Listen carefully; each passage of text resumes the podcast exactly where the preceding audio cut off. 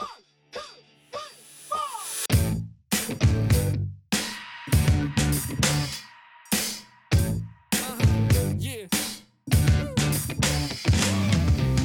Potje voetbal, potje tennis, potje padel, potje sportrecht. Hier zijn we weer, aflevering 4 alweer. We hebben de hele week geslapen in de blokkerk, verhalen uitgewisseld.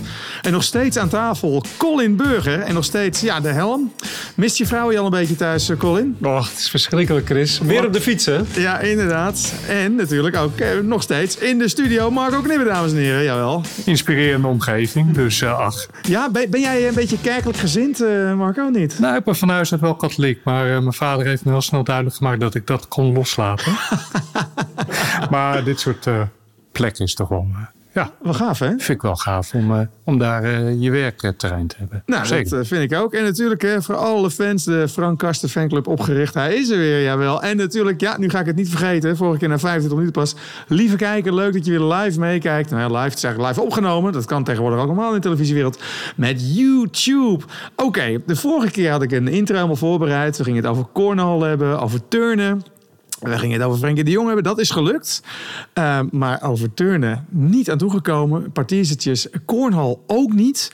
Uh, maar daar gaan we het wel heel kort over hebben. Maar eigenlijk wel echt uh, ja, de, de backbone van deze aflevering is de start van dit turndossier. Want dat was eigenlijk de aanvankelijke afspraak. We hadden al gezegd, uh, lieve kijker, lieve luisteraar.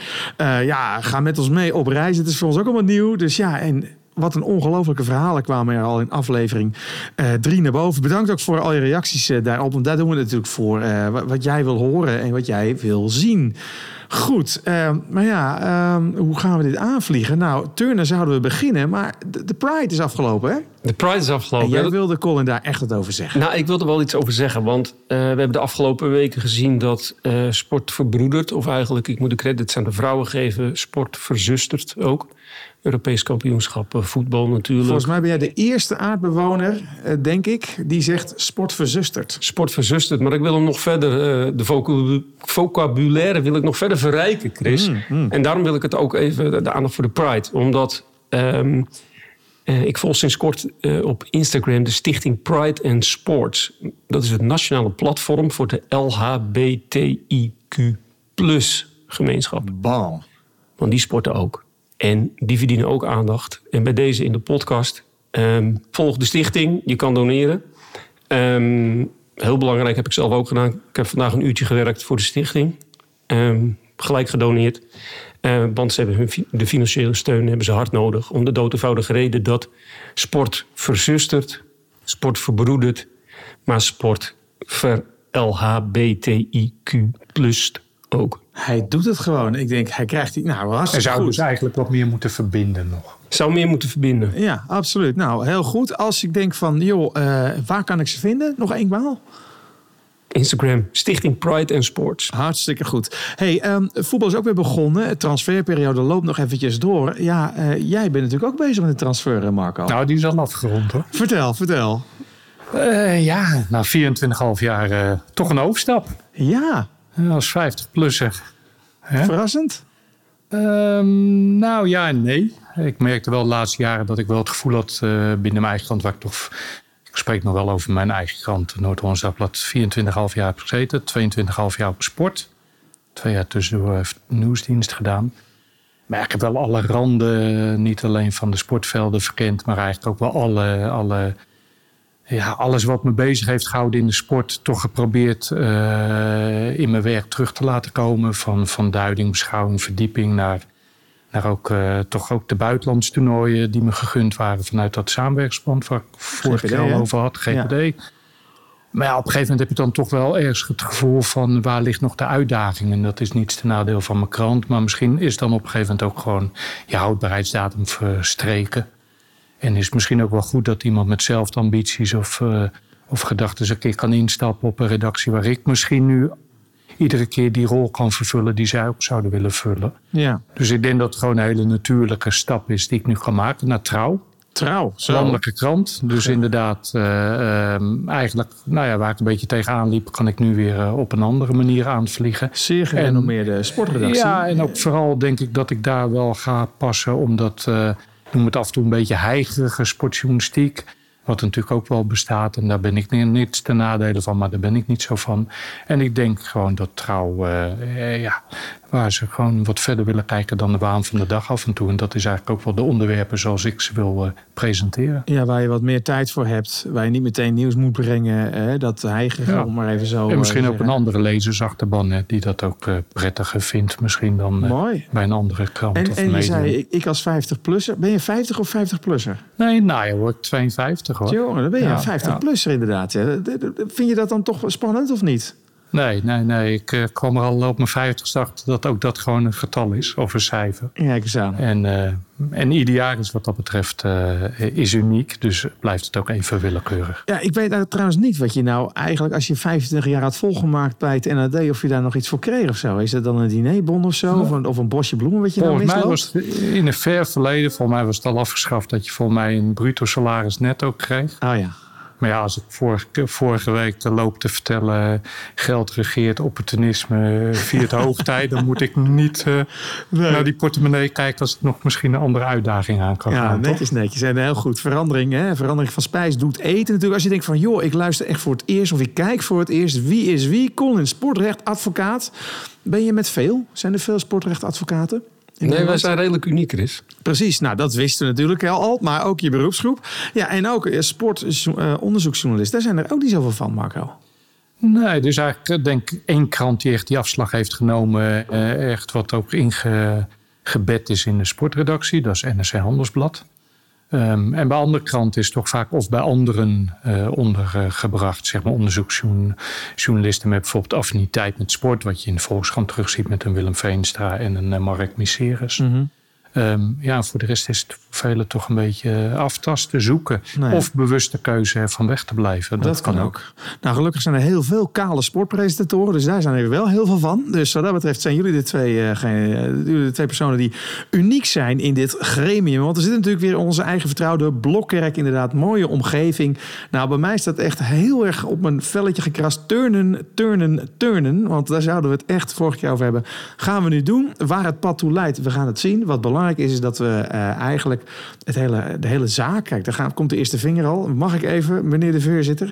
Dat mag zo meteen. Uh, dat, we, dat we de zaak rondom natuurlijk het, het turnen, het turnmisbruik, het kindermisbruik, wat daarin uh, plaats heeft gevonden. En allerlei andere zaken die daglicht eigenlijk niet konden verdragen. willen gaan ontrafelen en in hapklare brokken. Dat klinkt een beetje respectloos, zo bedoel ik dat zeker niet. Ehm, aan jou, lieve luisteraar, lieve kijker, willen gaan presenteren. Ik zag een, een, een gaan we luisteren naar een quoteje? Ja, we gaan luisteren naar uh, een stukje uit uh, De Gouden Lichting. Een prachtige documentaire. Op de NPO, Verona van der Leur. Ja, want voor, voordat we starten, we nemen je dus nu mee eigenlijk vanaf, nou, vanaf nul eigenlijk naar het turndossier. mag ik, mag ik dan een voorstel doen om te beginnen bij Nadia Comaneci? Ja, zeker weten. En dan gaan we eerst maar, denk ik zo, de chronologie der dingen. Wat zijn nou de gebeurtenissen geweest? Wie zijn de hoofdpersonen? Wat is er nou exact gebeurd? Hoe is dat juridisch allemaal gegaan? En hoe nu verder? Dit gaan wij zeker niet in één uitzending voor elkaar krijgen. Dus dit wordt echt een serie.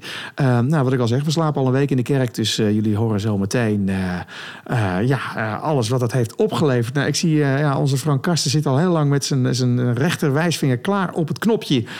hier is Verona van der Leur. Ik snap het niet hoe een man zo met kleine kinderen kan omgaan. Schreeuwen, bang maken, slaan, schoppen. Noem het allemaal maar op wat er gebeurde. Nee, ik wilde niet bij hem trainen. Maar ik wilde wel naar de Olympische Spelen. Oké. Okay. Was ook nog Suzanne. Tweede Harmens. Ja, ja, want daar is het... Uh, tenminste, zij zijn uh, twee van de vier hoofdrolspelers in de documentaire. Uh, die veel bekeken is natuurlijk de Gouden Lichting. Uh, in documentaire vorm aangeboden. Ellen Vloed heeft dat geregisseerd. Als ik dit hoor. En die grijpt terug op 2012, natuurlijk tien jaar geleden. Toen ja. deze vier uh, voor het eerst naar buiten kwamen via Helden Magazine.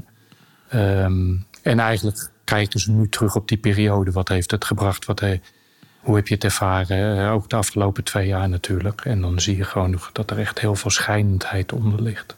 Ja, want even de rollen van de heren aan tafel. Uh, uh, ondergetekende is de presentator. Jij bent sportrechtadvocaat. En jij, Marco, bent een van de journalisten, een van de weinige journalisten die eigenlijk dit hele proces ja, in kaart heeft gebracht, over bent gaan publiceren, eh, lijntjes aan elkaar hebt verbonden. Toch? Zeg ik dat goed? Ja, en vooral inderdaad hele systematiek heeft proberen bloot te leggen. Dus niet alleen de getuigenissen en de plegenbekentenis, maar ook wat maakt dat het zo lang heeft kunnen dooretteren. Tot op de dag van vandaag helaas. En over mijn rol, ik ben op geen enkele manier betrokken bij, uh, bij, bij enig turnmeisje of, of coach of iets. Ik zit hier volledig uh, objectief. En Ja, ik ook. Eh, maar meer uit, uit interesse en eh, nou ja, ook wel eh, integriteit, denk ik wel. Goed, het turndossier. Jeetje. Ehm, hoe is dit begonnen? Wat is de chronologie van de gebeurtenissen? Nou, als ik kijk naar mijn eigen chronologie, is eigenlijk in die eh, 98, toen ik bij de Noord-Hollands Dagblad begon, meteen in aanraking kwam met turnen. Onder andere met Renske Endel. Ehm, toen natuurlijk talent. Talent wat in 2001 bij het WK in Gent echt voor een stunt zorgde of een doorbraak zorgde.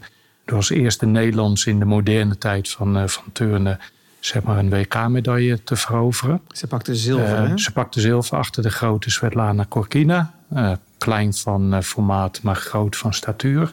De Russin, die al natuurlijk jarenlang de wereldtop in zich had. Ehm, ja, ze deed dat in haar brugoefening. Dat was echt misschien eigenlijk wel een gouden oefening... die uiteindelijk met zilver werd beloond. Ehm, en dat was eigenlijk na een periode dat ze net de overstap had gemaakt van Gerrit Beltman, waar we het over zullen gaan hebben, naar eh, Boris Orlov in Nijmegen. Gerrit Beltman is een turncoach. Gerrit Beltman was eh, turncoach. Boris Orlov is ook een turncoach. Die had nog een verleden al waarin hij in Rusland gewerkt had en een wereldkampioen had voortgebracht. Toen in Nijmegen was neergestreken en eigenlijk besefte van, eh, van eh, zeker bij oudere turns, dus 18 was al oud en dat was Endel toen. eh, moet je misschien de teugels wat laten vieren. Dus hij was al enigszins tot dat besef gekomen. Eh, Beltman zeker toen nog niet. En Endel was kort daarvoor, een jaar, anderhalf jaar daarvoor, bij hem weggegaan. Dat voelde voor hem echt als een grote nederlaag. En uitgerekend daar pakte zij de eerste WK-medaille. Hij zag dat ook echt als een medaille die hem toebehoorde, die hem eigenlijk ontnomen was. Dat merkte hij al meteen, eigenlijk die hele frustratie die er bij hem zat. Terwijl Renske Endel eh, daarna, en zeker nu, zal hebben gezegd dat die medaille was er onder hem nooit gekomen. Omdat ze zat toen gewoon klem in dat systeem wat, ze, wat haar eigenlijk kapot maakte. En juist doordat ze de ruimte kreeg onder oorlog, kon ze voor het eerst eigenlijk kon ze zijn wie ze was. En nou, je zag meteen wat dat eh teweeg. Ja, ehm, even een stapje terug. Ik noemde net uh, Comaneci. Ehm, dat vind ik namelijk ook wel belangrijk om de historie te schetsen Ja. waarvan eh, iets zich heeft ontwikkeld. Want wie is, eh, jij, jij noemde Kokina, hè, de, de Rezin, die, de alleskunner, zou ik maar zeggen. De, het grote, eh, de- de- nou ja, de, de, de, Ja, de Comaneci zat daar nog voor. En dan Ja. neemt Colin het wel over. Ja. Roemeense die eigenlijk voor de eerste tien in het turnen zorgde. En, ehm, en daarmee de sport veranderde. Maar eigenlijk concluderen we ook nu ten nadele heeft veranderd. Ja. Hoe pijnlijk dat ook is. Nadia Nou, iets uit mijn hoofd. ehm, eh, 1974 eh, won ze goud op de Olympische Spelen met de perfecte oefening. Een 10. Weliswaar was, de, eh, was het toen al een jurysport. Eh, en is de puntentelling nadien ook aangepast. Want er was al iemand daarvoor die bijna tegen de 10 aanschurkte. Maar zij was de eerste met de 10. Ehm, en ja, dat was eigenlijk, hè, we het ook al de vorige aflevering over dat sporters vaak een product zijn en vaak worden weggezet door hogere machten. Ehm, dat was zij eigenlijk ook. Ehm, zij kwam uit Roemenië, Ceausescu uit mijn hoofd. Eh, daar was zij het, het, het product van. Ja. Want en, Ceausescu in zijn politiek wilde hij de grootheid van het Roemeense volk laten zien. En sport was daar, zoals we bij meerdere regimes zien, een van de grootste, eh, belang- eh, belangrijkste uithangborden van. ja, ja, en Comaneci was eigenlijk de, eh, nou ja, het, het, het, het, het, het beeld zoals turnen zou moeten zijn. Omdat dat de perfectie was. Perfectie is 10. Turn is een sport, hè? daar gaat het om sier. En, en, en je wordt ook gewaardeerd dat, je, dat je broekje niet tussen je billen zit. Ehm, en dus ja, dat, dat is heel belangrijk. En Comaneci die eh, was de verpersonificatie eigenlijk van die perfectie, de 10. En En op we basis... het dan over 1978. 1974 zeg ik uit mijn hoofd. Volgens mij was het pas één 1974, zelfs. En, ehm, eh, en dat was eigenlijk de opmaat om ook hier in Nederland het tussen aanhalingstekens roer om te gooien. En om te gaan trainen volgens, nou ja, eigenlijk uh, oneerbiedig gezegd, de, oude Oostblok-methode. Eh, een bepaalde hardheid, een bepaalde kilheid, eh, drillen, urenlang trainen, niet luisteren naar de sporter. Maar die sporter, uh, Marjan Olvers heeft er ook een heel mooie uitspraak over gedaan. Wie is Marjan Olvers? Marjan Olvers is de sportrechtprofessor van Nederland. die zei bij de presentatie van haar rapport, meen ik, uh, turnsters werden gezien soms door sommige coaches als Formule 1 auto's die ze konden tunen, africhten, afstellen. En de, Nadia Comaneci is onbedoeld. Ze is inmiddels gevlucht en ze woont in uh, Amerika. Uh, maar Nadia Comaneci is onbedoeld eigenlijk. Ja, staat symbool voor de, de, de, de, de cultuur die in Nederland uh, vervolgens ja, is ingericht. En, ja, want Nederland is geen turnland in de jaren 80, toch? Nee, in de jaren 70, 80 zeker niet. Maar ze keken inderdaad naar het Oostblok, ze keken naar Roemenië. En uh, trainers als Gerrit Beltman uh, hadden het gevoel van als ik dat kopieer, een soort van copy-paste, dan moet dat ons ook succes gaan opleveren op Juist. den duur. Zelf van beter uh, goed gejat dan slecht verzonnen, om het maar even zo te zeggen. Zou een advocaatenuitspraak kunnen zijn, hè? Oké, okay, maar goed. Nou ja, goed. Ik ben, ik ben presentator. Hey, dat is het beginpunt van, toch? Want even als we gewoon, voordat we echt de diepte ingaan, wat is de chronologie? Het begon dus bij Comaneci 74. En toen, Marco? Ja, nou, die hield dus inderdaad de turnwereld een beeld voor dat het kennelijk op die manier moest en dat die trainingspraktijken daaraan ten grondslag lagen. Dus dat heeft inderdaad geleid tot trainingsklimaat zoals Colin dat uh, schetste. Ja, en dat maakt op een gegeven moment dat je er gewoon in Nederland zag. Er kwam natuurlijk, ik bedoel, dat zie je heel vaak. En dan wordt er ook gezegd, het betaalt zich uit. Het brengt natuurlijk ook even instant succes, want je gooit het over een andere boeg. Alleen daarmee is het natuurlijk niet gezegd dat een, als je het omdraait, dat de positieve benadering geen succes zou brengen. Sterker nog, het zou in ieder geval de sporter, denk ik, voldoening geven waarop hij op zijn carrière terugkijkt. En ik weet uit die bijna 25 jaar dat ik nu sportjournalistiek doe, um, dat vaak die voldoening achteraf ontbreekt. Omdat ze dan toch denken, ik heb me toch in richtingen laten duwen. Of ik heb me toch gedrag laten aanmeten. Of ik heb toch afslagen genomen waarvan ik met de kennis van nu zeg, wat heeft het me opgeleverd? En turners hebben soms letterlijk gezegd: is het die medaille waard geweest? Ja, en Marco, en dan om, om een verruineerd nog, leven, zeggen ze dan. Hè? En om daar nog Zo, op aan ja. te haken. Kijk, wij kennen, wij, wij, kennen nu allemaal Suzanne, we kennen allemaal Renske, we kennen allemaal Verona, we kennen allemaal Gabriella. Je hebt het over Renske Endel, Suzanne Harmes, Gabrielle Wammes en Verona van der Leur. Naar aanleiding van, misschien bij het grote publiek bekend, door je, jouw publicatie, Marco, maar vooral ook door die televisiedocumentaire 2022, denk ik, hè, dit jaar? Ja, ja? ja, ja. 2012. Maar, dus dat interview, maar daarvoor natuurlijk in 2001, 2, 3. De, de vier, zeg maar, die in Nederland ja. uh, op de turntaart zetten. Maar dat zijn de meisjes die uh, uh, in ieder geval gepresteerd hebben volgens verwachting. Er zit ook een hele grote groep, en dat blijkt een enorm grote groep te zijn, daaronder die niet gepresteerd hebben. Ja. Maar die zich ook voelen aangesproken door het verhaal van die vier meisjes. Juist, want zij... Dat vind ik wel heel belangrijk om te benoemen. Precies. Die hun leed nooit naar buiten hebben gebracht, maar die op dezelfde manier zijn aangepakt, op dezelfde manier zijn behandeld. En die zijn afgehaakt. Ja. Om hoeveel sporters, laten we maar even turners pakken, uh, erbij uh, pakken. Uh, wat jij net al zei over sporters, van is het me waard geweest. Dat is natuurlijk niet alleen bij turnen, dat is sportbreed. Daar, daarover later meer. Um, hoeveel... In het turnen heb je het dan echt over honderden. Honderden. Zo niet misschien wel een paar duizend. Vanaf uh, het moment dat uh, de KGU dit traject start.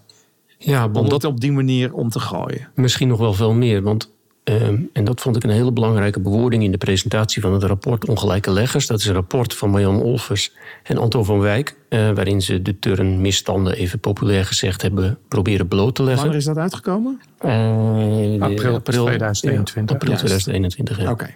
En um, uh, tijdens die presentatie werd gezegd dat uh, de rapportage illustratief was en niet representatief. Wat is het verschil? Een heel belangrijk verschil. Illustratief is dat ze eigenlijk, ze hebben heel veel interviews afgenomen. Ze hebben zeven of acht negen maanden hebben ze aan dat onderzoek gewerkt. Alleen de meisjes die ze al spraken, die waren in eerste instantie niet open. Er waren er zelfs nog die net voor de presentatie, of misschien zelfs al op de dag van de presentatie, nog met een uitgebreide verhaal kwamen. Wat niet is opgetekend in het rapport. Dus um, eigenlijk wat ze gezegd hebben met illustratief in plaats van representatief. Het was, het, of het is, het topje wellicht van een hele grote ijsberg. En ze sprak, ik weet niet of die in het rapport terugkwam, maar Olvers heeft later ook aangegeven dat er gewoon een heel systemisch systeem onder lag. En dat ja. is ook tekenend, want dat betekent structuur, dat betekent patronen, dat betekent eh, geen willekeur, maar gewoon uh, terugkerend gedrag, repeterend. Is dat nu, hè, we, we zitten nu helemaal aan het einde, tenminste voorlopig einde, want het verhaal gaat door. Is het nu weg, dat systeem, Marco? Nou, het systeem in die zin is weg dat ze natuurlijk weten dat ze dit niet meer kunnen verkopen. Als zijnde van uh, topsport is hard en dat heb je maar te slikken om te komen waar wij denken dat je komt. De, uh, en uh, positieve bejegening, dat, dat zie je terug in allerlei andere sportuitingen. In de zin van daar wil sportgroep NOC-NSF naartoe. Maar aan de andere kant moet je ook uh, leg het niet uit als sarcastisch, maar moet je ook eerlijk zijn door te zeggen: na turnen kwam triathlon, na triathlon kwam hockey. hockey uh, het dansdossier waarin seksueel misbruik heel nadrukkelijk kwam, uh, wat ik oppakte, kwam naar voren. En wat je ook zag, het rapport Olvers was nodig en pas op dat moment wilde NOC-NSF de excuses maken, daarvoor nog niet. Terwijl, Terwijl ze wist al van de, de rapporten die ze zelf in opdracht had laten uitvoeren, waar al in stond uh, wat er gebeurde. Uh, dus ik bedoel, dat het gebeurde wisten ze, maar dan zie je toch uh, vorm van damage control of wat dan ook. Dan zie je toch gewoon weer wat je wat die turnsters ook voelen. Er wordt iedere keer over ons gesproken, geoordeeld en we worden beoordeeld. Maar er wordt niet met ons gesproken. Er wordt niet ons gevraagd van wat heb je nodig, wil je weer kunnen functioneren in de maatschappij? Of, of hoe kunnen we de sport anders inrichten, waardoor je als sporter je beschermt en uh, veilig voelt. Want vergeet niet, een bond heeft gewoon een zorgplicht naar zijn leden. En die zorgplicht hebben ze dus gewoon decennia veronachtzaamd. En het is nu zomer 2022. Dit dossier is nog more alive than ever. Dit is nog lang niet voorbij. Nee, je hebt bijvoorbeeld nu die tegemoetkomingsregeling die uh, in het verlengde van het rapport uh, is opengesteld. De tegemoetkomingsregeling een, houdt in. Voor dat, voor dat, ja. Het rapport is echt vernietigend, toch Colin? En sterker nog, Olvers gaat nu ook door met andere sporten, toch? Komende drie jaar. Nou, als dat het topje, dat van, de, als dat het topje van de ijsberg echt daadwerkelijk is en het is vernietigend. Ja, Precies. Nou, het was Dan in die zin, het was misschien niet vernietigend, maar het was inderdaad niets ontziend in, in de conclusies. En het mooie eraan was wel, en dat moet je de Turnbond wel nageven, dat ze aan de voorkant al wel hadden gezegd: alle aanbevelingen die uit het rapport voortkomen, die zullen we opvolgen. En die zijn ook overgenomen. Uh, en die worden nu ook ja. overgenomen, Sorry, die worden geïmplementeerd. Ook, ja. En maar dat gaat de ene keer bestuur. makkelijker dan het andere. Ja, maar ik bedoel, als, als nieuw bestuur ben je altijd verantwoordelijk. Uh, draag je de erfenis met een oud bestuur mee. Ik bedoel, okay. Daar kan de bestuurder niet mee wegkomen door te zeggen dat was het verleden. Sorry, daar ben je bestuurder voor. Zo, en, en, en, de compensatie, want dan gaan we vanaf dat ja, moment van zomer van de... 2022, waar we nu zitten, gaan we vanzelf terug. En dan gaan we vanzelf hier naartoe. Jij wil nog wat zeggen? Ja, dat is leuk. Wat, wat, wat wil je zeggen? Nou, een van die aanbevelingen was inderdaad die tegemoetkomingsregeling. Dat ja. moet je niet zien als schadeloosstelling, want uh, dat was het niet, maar gewoon een regeling om aan te geven van het. We, we, erkennen het leed wat eronder ligt. En we gunnen je een bepaald bedrag. waardoor je misschien je leven wat op de rit kan krijgen. of er iets mee kan doen waardoor je een goede herinnering opbouwt. Euro, hè? Het ging om 5000 euro, maar dat is een beetje een standaardbedrag. wat je ook in jeugdzorg terugzag. Dat noemen ze de, de uh, regeling. waardoor dat bedrag is wel verklaarbaar. Alleen wat afwijkt is dat de, de en dat is niet zozeer de bond, maar sportkoepel en de zelf. Ze zullen het altijd ontkennen, maar ik weet zeker dat dat meespeelt. Die heeft gewoon gedacht, dit kan wel eens heel veel claims gaan opleveren. En dat moeten we ergens begrenzen. Dus de criteria zijn in eerste instantie zo stringent opgesteld... dat heel veel turnsters al hertraumatiserende gevoelens kregen... bij het lezen van waar ze aan moesten voldoen. Bijvoorbeeld voor een commissie van drie verschijnen waar je maar even je verhaal moet doen. Dus ook turnsters die nog nooit naar buiten zijn gekomen. Die dan opeens voor een commissie van drie, een soort van waarheidscommissie, uh, een gesprek, een verhaal moeten doen. Ook turns, de oud-turnsters die al lang in het publiek domein naar buiten waren gekomen, waarvan men wist van wie ze slachtoffer waren. Ook zij zouden dat aanvankelijk Keuler moeten doen. Stasia Keuler of een Petra Witjes of noem ze maar op. Um, dus dat voelde voor velen dat ze ook zeiden: het is al een een fooi eigenlijk voor het leed wat me is aangedaan. Uh, voor een verruineerd leven. En dan moet ik ook nog zeg maar uh, aan criteria voldoen. En weer, uh, kennelijk word ik niet geloofd. Weer moet ik bewijzen dat wat er is gebeurd, is gebeurd. En weer is er niet naar ons geluisterd. Want aan de voorkant zei er was een opvolgingscommissie bestaande uit een aantal oud-topsporters. Als een Jessica Gal, als een Roxanne Kneteman, als een Anouk Jong uit Turnsport. Judoka, die eh, al zeiden van, deze weg moet je niet bewandelen. Deze criteria, dat gaat alleen een afschrikwekkend effect hebben. En pas toen weer de media instapte, toen het rumoer gaf, hebben ze de criteria versoepeld. Maar weer geeft dat aan van, we willen in de grond kennelijk helemaal niet luisteren, want wij weten het beter. En zo is er altijd met ze omgegaan. Er werd over ze besloten. Ja, en dat eh, mechanisme zie je nog steeds. En dat is gewoon heel wrang en pijnlijk. Ja. Eh, ja. Ja, Verschrikkelijk. Ja, ik ben er stil van. Nee, dat mag toch? Ik bedoel helemaal niet erg. Ik kijk Ja. je aan. eh, als, je niet, eh, als je luistert, dan zie je het niet. Als je kijkt, zie je het wel. Ik kijk even naar jou, Cor. Ja, Ja. inderdaad, zo is het. Nou, ik, ik, ik ik zou graag nog een stapje terug willen. Ehm, eh, want ik wil eigenlijk voor iedereen die luistert... eens duiden wat, wat nou eigenlijk ongewenst gedrag is. Want dat, dat is eigenlijk al moeilijk van. Wat is voor jou ongewenst? Omdat Chris. het subjectief is, bijvoorbeeld. Nou ja, dat, dat is natuurlijk ook een beetje eh, de aard van het sportrecht, eh, of van het recht in het algemeen, is dat je het probeert te kaderen, maar dat het eigenlijk niet in een kader valt.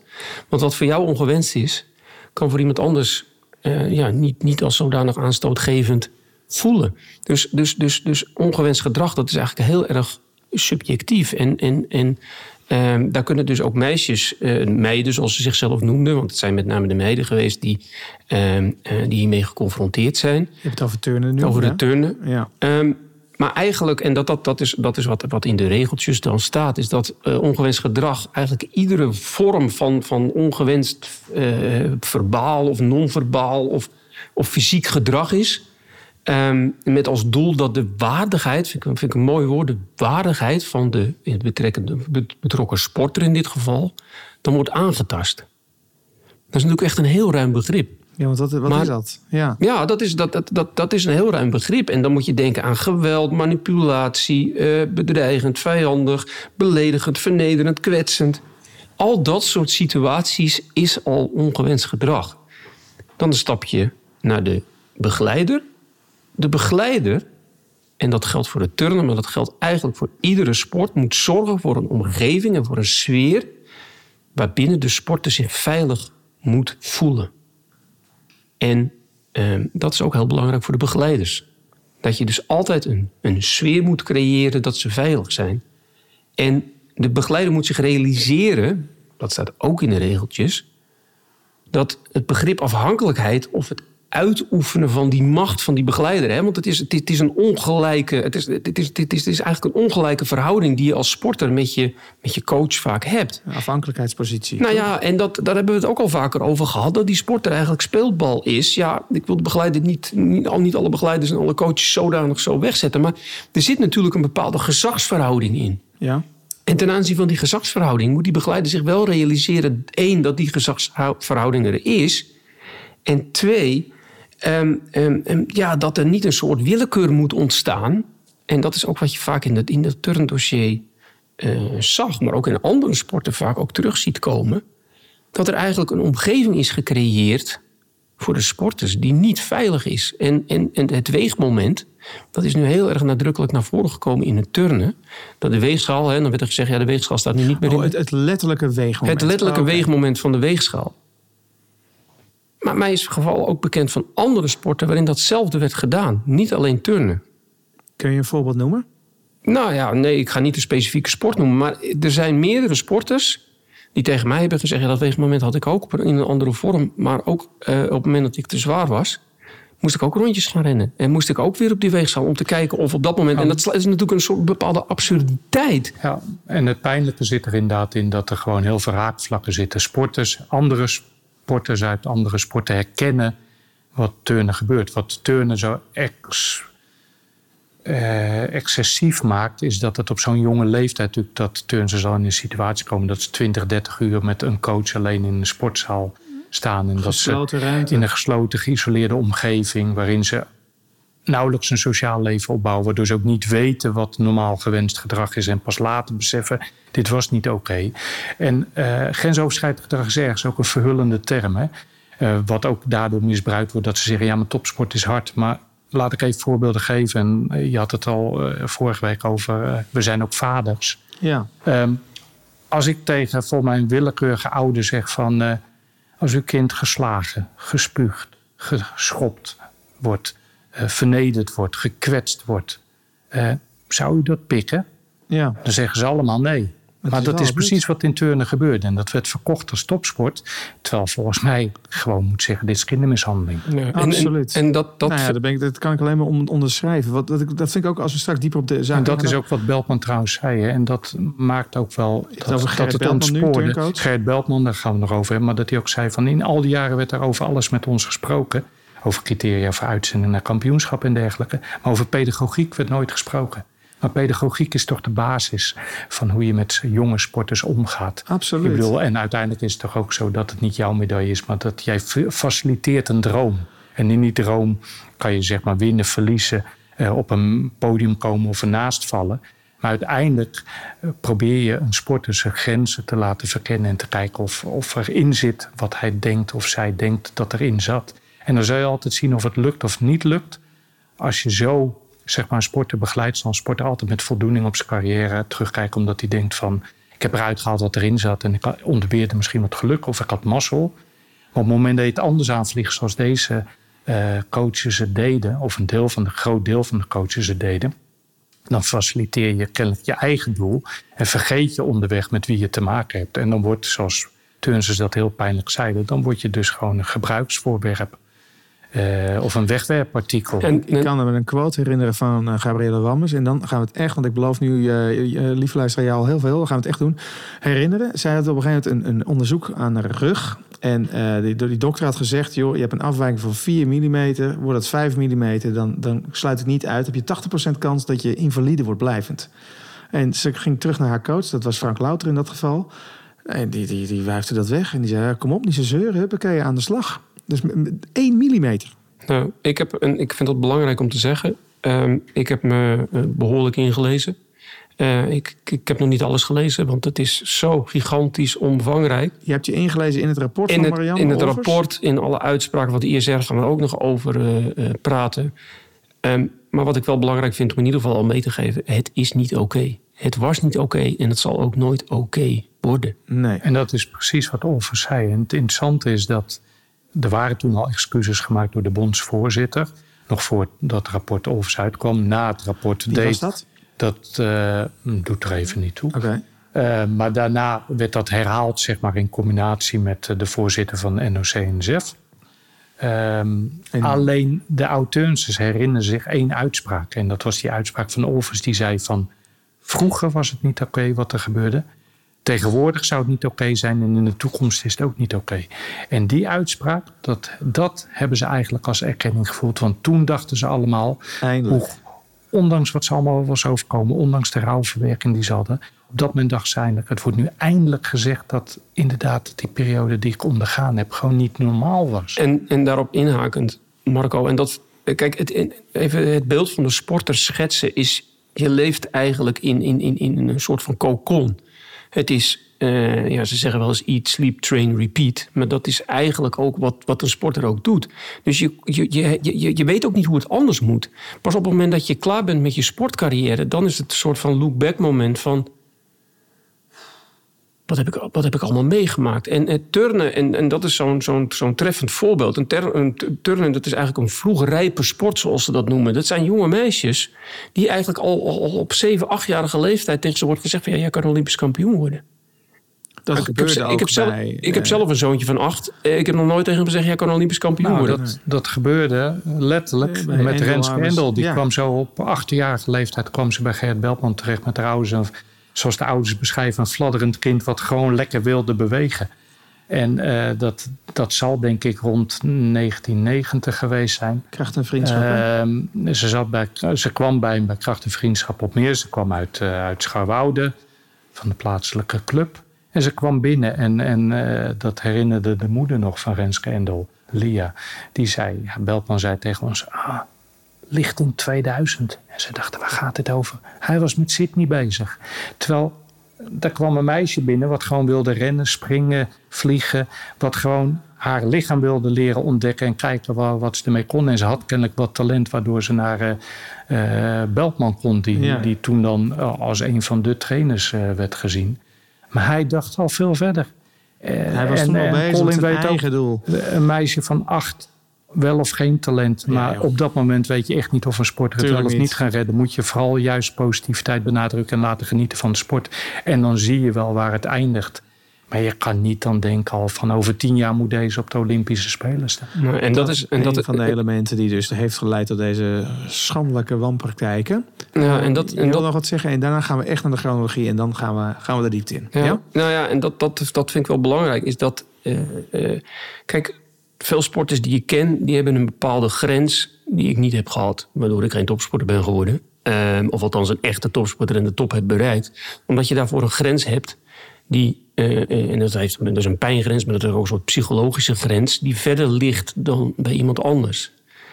Ehm, en ik denk, en, en, en, Marco kan dat misschien beamen of ontkrachten. Ik denk dat bij deze meisjes ook die grens vele malen verder lag van pijn en van, van, van hè, ergens voor gaan.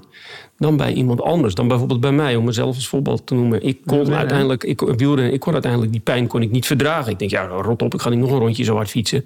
Eh, ik heb zuur, het zuur spuit uit mijn oren, ik stop ermee. En dat is nou juist die groep die dan maar door blijft gaan. In de wetenschap dat die in die kokon zitten van die sport. Ik weet, in de Gouden Lichting zegt Beltman of Louter, een van de twee, zegt ook eens... ja, weet je, bij de jonge turnsters of jonge turners... ja, jonge turnsters kunnen eigenlijk ook veel meer hebben. Dat is algemeen bekend. Die meiden kunnen er beter tegen. Ja, maar het grappige is, nu wordt er vaak tegen ze gezegd, hè, de meiden in de buitentreden, ja, maar dat waren de afvallers, dat waren degenen die het niet gehaald hebben. De gouden lichting eh, haalt dat beeld al onderuit. Hoor. Maar los daarvan, als je hoort wat ik net schetste, wa- wa- wat ze moesten ondergaan. Jij en ik eh, eh, zouden het niet eh, overleven. Dus hoezo, Nou, schets- schets dat hoezo, hoezo, hoezo waren het verliezers? Het feit dat ze dit regime konden overleven, Ja. geeft al aan hoeveel wilskracht daarin zat. En hoeveel ambitie toch kennelijk, of liefde voor de sport. En hoe sterk die vrouwen zijn. Ja, nu nog steeds. Hè? Nog Want op dit moment hebben ze allemaal een eigen leven opgebouwd met, met hobbels. eh hoort en stoot, maar ze staan er nog steeds. En ze, ze hebben dit ook gedurfd. Want het is, het is wat om mij naar buiten te, te Ja, maar ze te plukken nog wel steeds de wrange vruchten. Hè? Want er zijn gewoon heel velen achter die top dan misschien... Die duizenden die hun bestaan hebben kunnen herpakken, het ritme hebben kunnen vinden. Waarvan er gewoon een groot aantal gewoon echt zo ontwricht zijn... dat ze tot op de dag van vandaag niet alleen de pijn figuurlijk, maar ook letterlijk voelen... en gewoon niet kunnen functioneren in de maatschappij. Nooit aan een opleiding zijn begonnen, nooit aan werk zijn toegekomen... leven van een uitkering. Eh, Plus en- de en- fysieke klachten. en dat is dan, hè, dat is dan eh, die ene gouden medaille van Sanne Wevers... die dat alles goed moet maken. Al die verruineerde levens die erachter liggen. En dan ook nog even, als we het naar Wevers trekken natuurlijk... eh, begeleid is door een vader die natuurlijk nu ook in het kwaadlacht daglicht is Vincent gesteld. Wevers, Vincent Wevers, sportcoach van het jaar 2016. En weer de ironie, of noem het eigenlijk maar sarcasme... Hè, van een bond die in 2012 na de Gouden Lichting getuigenissen zei... we gaan het nu heel anders doen. Eind 2012, nee, eind 2012, 2013 werd, eh, werd Wevers bij zijn club ontslagen... voor grensoverschrijdend gedrag. Dat was welke club? Dat was eh, Tom? Tom in Tom, eh, Almelo. Almelo. Ehm, maar door wie werd hij aangenomen? Door wie werd hij aangesteld? Door de bond, hè? Dus die wisten al van zijn praktijken. En zo. Dus hij moest bij de club weg voor eh, ontoelaatbaar gedrag. En de bond nam hem aan. En ze gingen dat Olympisch traject in die uitmonden in het eh, natuurlijk fabuleuze goud van Sanne Wevers. Ehm, maar er lag wel...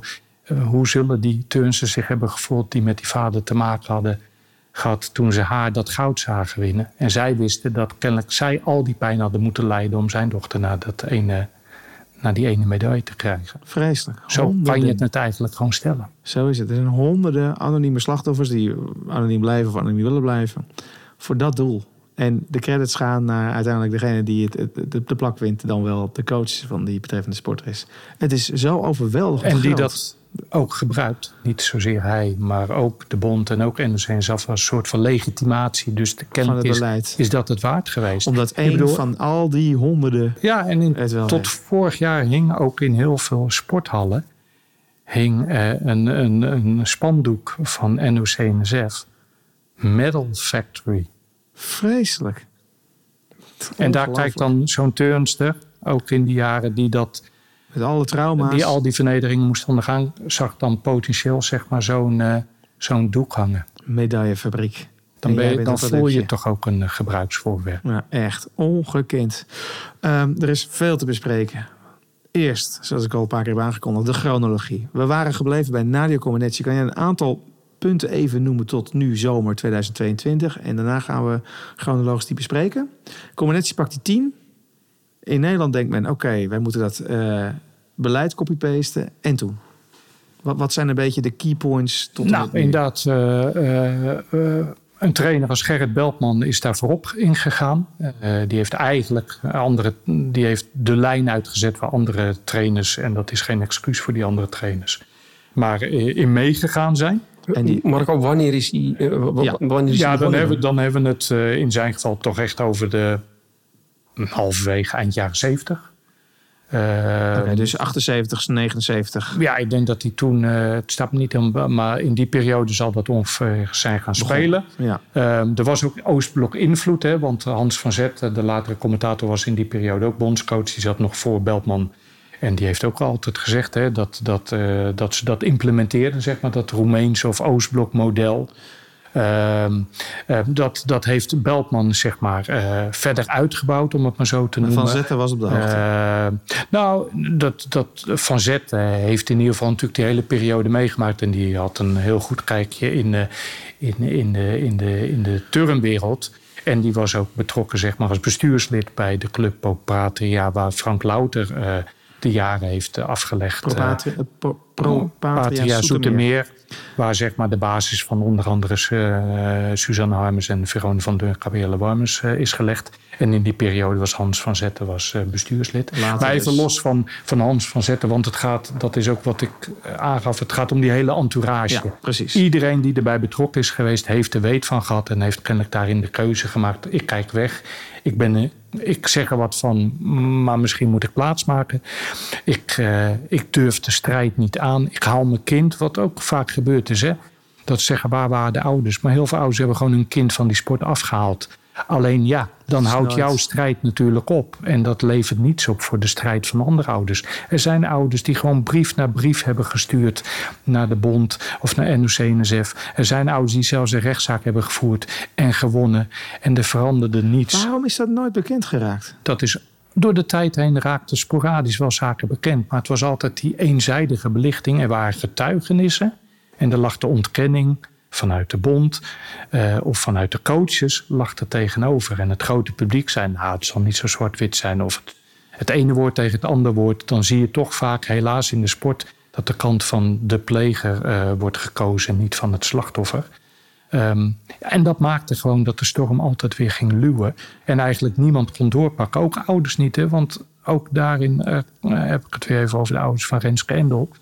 Die zagen af en toe wel wat er gebeurde. Ondanks dat eh, ehm, er ook een periode is geweest dat Renske gewoon inwoonde bij ja. Beltman. Ja. Dus daar kwam ze alleen in de weekenden thuis. En denk je, je hebt al zo hard getraind, laten we het vooral gezellig houden. Maar los daarvan, ze kregen af en toe wel partjes mee. De vader ging bijvoorbeeld bij de Club Kracht en Vriendschap, werd die klusjesman. Dan kon hij af en toe kijken over die geblindeerde ramen van wat gebeurt er. Die heeft wel eens een stoel naar zijn gegooid gekregen als hij verhaal ging halen. Pardon? Er zijn brieven gestuurd, maar het probleem was... eh, je had altijd ontbrekende puzzelstukjes. En op het moment dat je natuurlijk iemand bijvoorbeeld juridisch wil aanpakken... moet je zoveel bewijslast hebben of sluitend bewijs hebben... wil dat iets opleveren. En in er ontbraken altijd stukjes... En Ja. wat er ook gebeurde, die coaches wisten heel goed ouders duidelijk te maken, maar jij kent je kind helemaal niet goed. Dus Lia Endel dacht af en toe ook van ja, als hij het zo weer brengt, ja, volgens mij heb ik gewoon een heel verkeerd beeld van mijn kind. En die is kennelijk faalangstig en dergelijke. Terwijl op het moment dat ze gezien werd en ze mocht zijn wie ze was onder Boorlos Oorlog, kon ze opeens tweede van de wereld worden. Dus hoezo faalangstig? Nee, ze zat gewoon in een systeem waarin ze klein gehouden werd. Ja, en dat eh, volgens mij is niet de basis voor eh, Wat er nog sowieso mee- niet ja. van omgang met kinderen, maar ook niet de basis voor sportprestaties. Zeker niet. Er hoort nergens in de maatschappij thuis. hey, dan is het dus begin jaren tachtig. Laten we maar beginnen. En Ja. dan, eh, wat is een beetje het En, eerste... ga, en gaandeweg krijg je gewoon al signalen. Eh, je krijgt een Kirsten Pieters die al eh, in de jaren 80, misschien 90, eh, door, door overmatig trainingsbelasting gewoon zeg maar invalide raakt. Is in ieder geval. Pieters? Dat was ook een oud turnster. En die, die, die raakte gewoon echt eh, in ieder geval sportinvalide. Dus die kon niet verder met de turnen. Die, eh, dat was duidelijk dat dat eh, voortvloeide uit haar Wat- wat- wat sportcarrière. zij? Nou goed, niet Volgens mij versleten rug en dergelijke. Maar belandde in de rolstoel. Heeft de rechtszaak aangespannen. Dat is naar buiten gekomen. Daar, heb je niet, daar is niet op aangeslagen. Maar meneer Van Pieters heeft, heeft de rest, maar heeft ze gelijk gekregen? Volgens, volgens mij wel. Maar ja, wat is gelijk krijgen? Ja. Ik bedoel, schade het wel. niets op schade is geleden. Dan heb je in die periode ook dat een Peter Vrouw, de latere eh, eigenlijk vertrouwensarts voor heel veel topsporters in Nederland, ehm, als beginnende sportarts zeg maar een soort van onderzoek doet en uh, Turner daarin eh, centraal neemt en daar dingen ziet en denkt van ja, dat heeft helemaal niks met sport te maken. Dit, dit is gewoon eh, op, op een mishandelende manier met, met sporters omgaan. Hij, dat hij, schrijft daar een soort van, dan we denk ik ook over je halfwege jaren tachtig. Oké, ja. Hij schrijft daar een soort van rapport over. Nou, dat werd hem niet in dank afgenomen. Dus dat rapport of dat proefschrift of hoe je het noemen wilt, rapportage, dat verdween. Dan krijg je in 2005, 2006, 2007, dan zijn er de, de, de vier steunpunten. Uh, je hebt Opmeer, uh, je hebt uh, Almelo, je hebt voor mij Zoetermeer en je hebt Nijmegen. Dat zijn de vier steunpunten waar alle vrouwelijke gymnastes, toppers, toppers trainen. En dat zijn eigenlijk steunpunten die rechtstreeks onder de bond vallen. In die periode komen er geluiden uh, dat, dat, dat het niet, niet goed gaat. En Halverwege het eerste millennium van deze eeuw. Ja. Dus, dus tussen twee En, en uh, dan is er een net aangetreden uh, topsportmanager binnen, binnen. Dat is, sorry dat ik je onderbreek. Dat is na de grote successen van 2001, 2003, toch?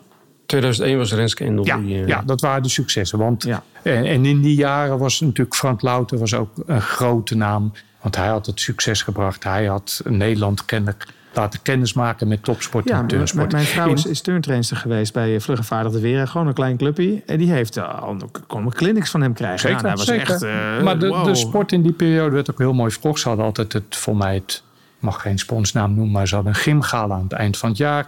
Daar waren drommen met meisjes die handtekeningen wilden van die gouden generatie. En dat leverde natuurlijk uh, uh, dat leverde nieuwe uh, ja, leden op. Ik ja. bedoel, ze werden sportploeg van het jaar. Verone van der Leur is voor mij ook zelfs nog sportvrouw van het jaar geworden. Dus in die jaren was het hoogtij. Er kwam ook weinig naar buiten.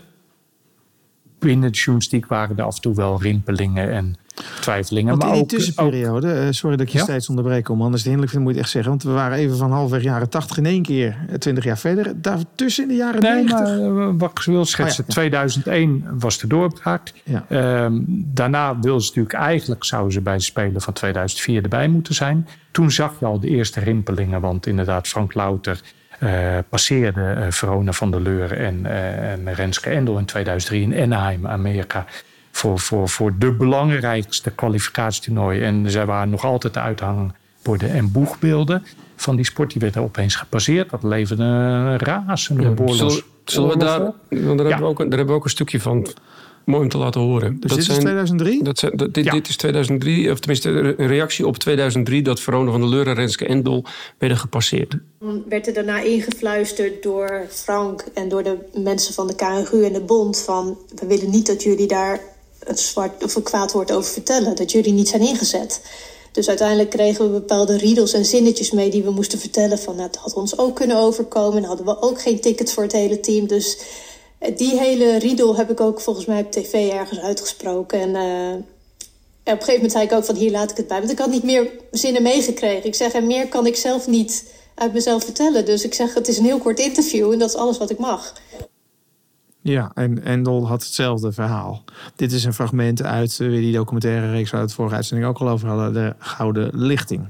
Dus de bond zegt gewoon, hé, hey, jij zegt gewoon dit, je houdt je mond verder. Ja, en ook dat voedt weer de gedachte van wegwerpartikel. Hè? Ik bedoel, de, de twee die de sport op de kaart hebben gezet, die die jaren daarvoor medailles hebben veroverd, die worden kennelijk weer even makkelijk gepasseerd als Frank Louter in dit geval als bondscoach vindt dat zeg maar uh, de sporters waar hij een betere band mee heeft, met andere woorden minder mondig, uh, op dat moment, uh, um, ja, gewoon dus maar een kans moeten krijgen. En dus eigenlijk een Olympisch perspectief ehm, vergooid wordt op die manier. Omdat eigen belang kennelijk weer een belangrijker belang is dan het sportersbelang. Ja, want... Maar dan krijg je, om die chronologie even aan te houden, twee, tussen 2005 en 2006 krijg je Henk Kort is een nieuwe... Uh, technisch directeur, denk ik, op dat moment van de, de bond. Die krijgt signalen nou, eh, dat, dat je wel vragen kunt zetten bij de pedagogische aanpak eh, binnen die steunpunten. Nou, hij stelt een onder, laat een onderzoek instellen, mede gefinancierd door sportkoepel NOC-NSF. Dat levert eigenlijk een hele, ehm, een hele schokkend relaas op van dat er heel veel misgaat. Uh, op het moment dat, dat, dat Henk. Uh, het, het, het bijzondere is dat uh, Henk Kort in die periode in 2007 al in conflict raakt dus met de Bond. Dat eindrapport nooit heeft gezien. Aha. Dus nooit heeft geweten inderdaad hoe schokkend het was. Dat rapport verdwijnt alweer in een la. waardoor gewoon eigenlijk coaches verder kunnen uh, dat is ook waarvan Vincent Wevers, want die was van een van die steunpunten later, zei toen hij aangevallen werd door Joy Goedkoop, dat hij ook uh, zich zou misgedragen. Ook de auteurs die bij de NOS toen, eh, naar aanleiding van de getuigenis en de Beltman-bekentenis, uh, Wevers betichten van grensoverschrijdend gedrag, waaronder fysiek. Uh, dat Wevers toen zei van ja, maar dat rapport in 2005, 6, ja, daar heb ik lering uitgetrokken, want in 2007 ben ik veranderd. Um, om die chronologie dan weer aan te houden, dat was toen voor mij, toen hij dat op tv zei, en uh, Fabian van der Pol van NRC, waar ik toen de handen mee uh, ineens sloeg.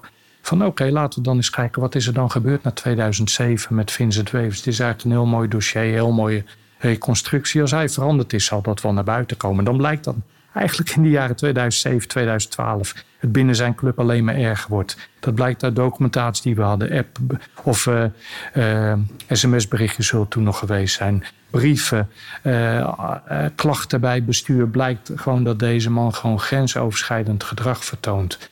Dat leidt toe dat eind 2012 het daar klapt en hij eigenlijk ontslagen wordt de bond heeft dan op dat moment, om die chronologie nog even vast te houden, heeft natuurlijk is net geconfronteerd geweest met die gouden lichting die tien jaar na dato wel naar buiten durft te komen. En in Helden Magazine zegt wat er allemaal gebeurd is. De Gouden Lichting dus. De Gouden Lichting dus. En ja, Van der Leur. Die zeggen wat er allemaal gebeurd is. En dat zijn die uh, vernederingen en uh, slaan uh, enzovoort. scharen het even onder fysiek, emotioneel en ehm, geweld. Um, en de bond zegt ja, biedt er excuses op dat moment aan die groep vooraan. En zegt dan nee, vanaf nu gaan we het echt anders doen. Staat op de kaart, dit mag gewoon niet meer gebeuren. 2012. Dan hebben we het over 2012 dat ze zeggen, eind 2012 wordt Wevers ontslagen. Wat doe je per 1 januari 2013? Neem je hem in dienst als bondstrainer. Dus tot zover denk ik dan moreel kompas. Ongelooflijk. in 2015 uh, komt er dan nog een vervolgonderzoek. Vanuit? Uh, volgens mij vanuit de bond, maar ook zeg maar um, weer volgens mij met medeparticipatie van, uh, van in ieder geval NOC-NSF. En misschien zelfs wel VWS, maar dat weet ik niet zeker. Dat levert het rapport Turnonkruid op. Uh, gemaaid, maar niet gebied. Nou, de, de, de kop zegt eigenlijk al van alles. Die komen eigenlijk tot dezelfde conclusies die eerder door Vergouw werden gesteld. En die later in dat steunpuntenrapportage ook werd uh, en Vergouwen halverwege de jaren tachtig. Dus tachtig. de, de getuigenissen, Peter Witjes in 2009, Kirsten Pieters daarvoor, de Gouden Lichting 2011. komt er ook in 2015 nog zo'n schokkend rapport. Daarvan zegt dan de voorzitter, die is daarbij aanwezig geweest, Wiersma, die later vrij. Gerben Wiersma. Gerben Wiersma, de bondscoach, die aanvankelijk werd door het instituut sportrechtspraak, gaan we het nog over hebben, werd, mm-hmm. zeg maar, um, werd uh, be, veroordeeld of uh, schuldig bevonden, later vrijgesproken, omdat er werd gezegd: ja, maar jij stond ook weer aan de basis van, zeg maar, het goede turnklimaat wat men vanaf 2012 is gaan ontwikkelen. Oh ja. ja, ja, maar in 2015 is er dus dat rapport, schokkend. In een hotel zijn de onderzoekers hebben dat gepresenteerd aan onder andere het bondsbestuur. Maar daar zat die voorzitter bij die excuus had gemaakt. En uh, louter op de keep had gehad. Daar zat Wiersma bij, er zaten anderen bij. En men zei van, ja, dit komt niet goed uit voor de sport.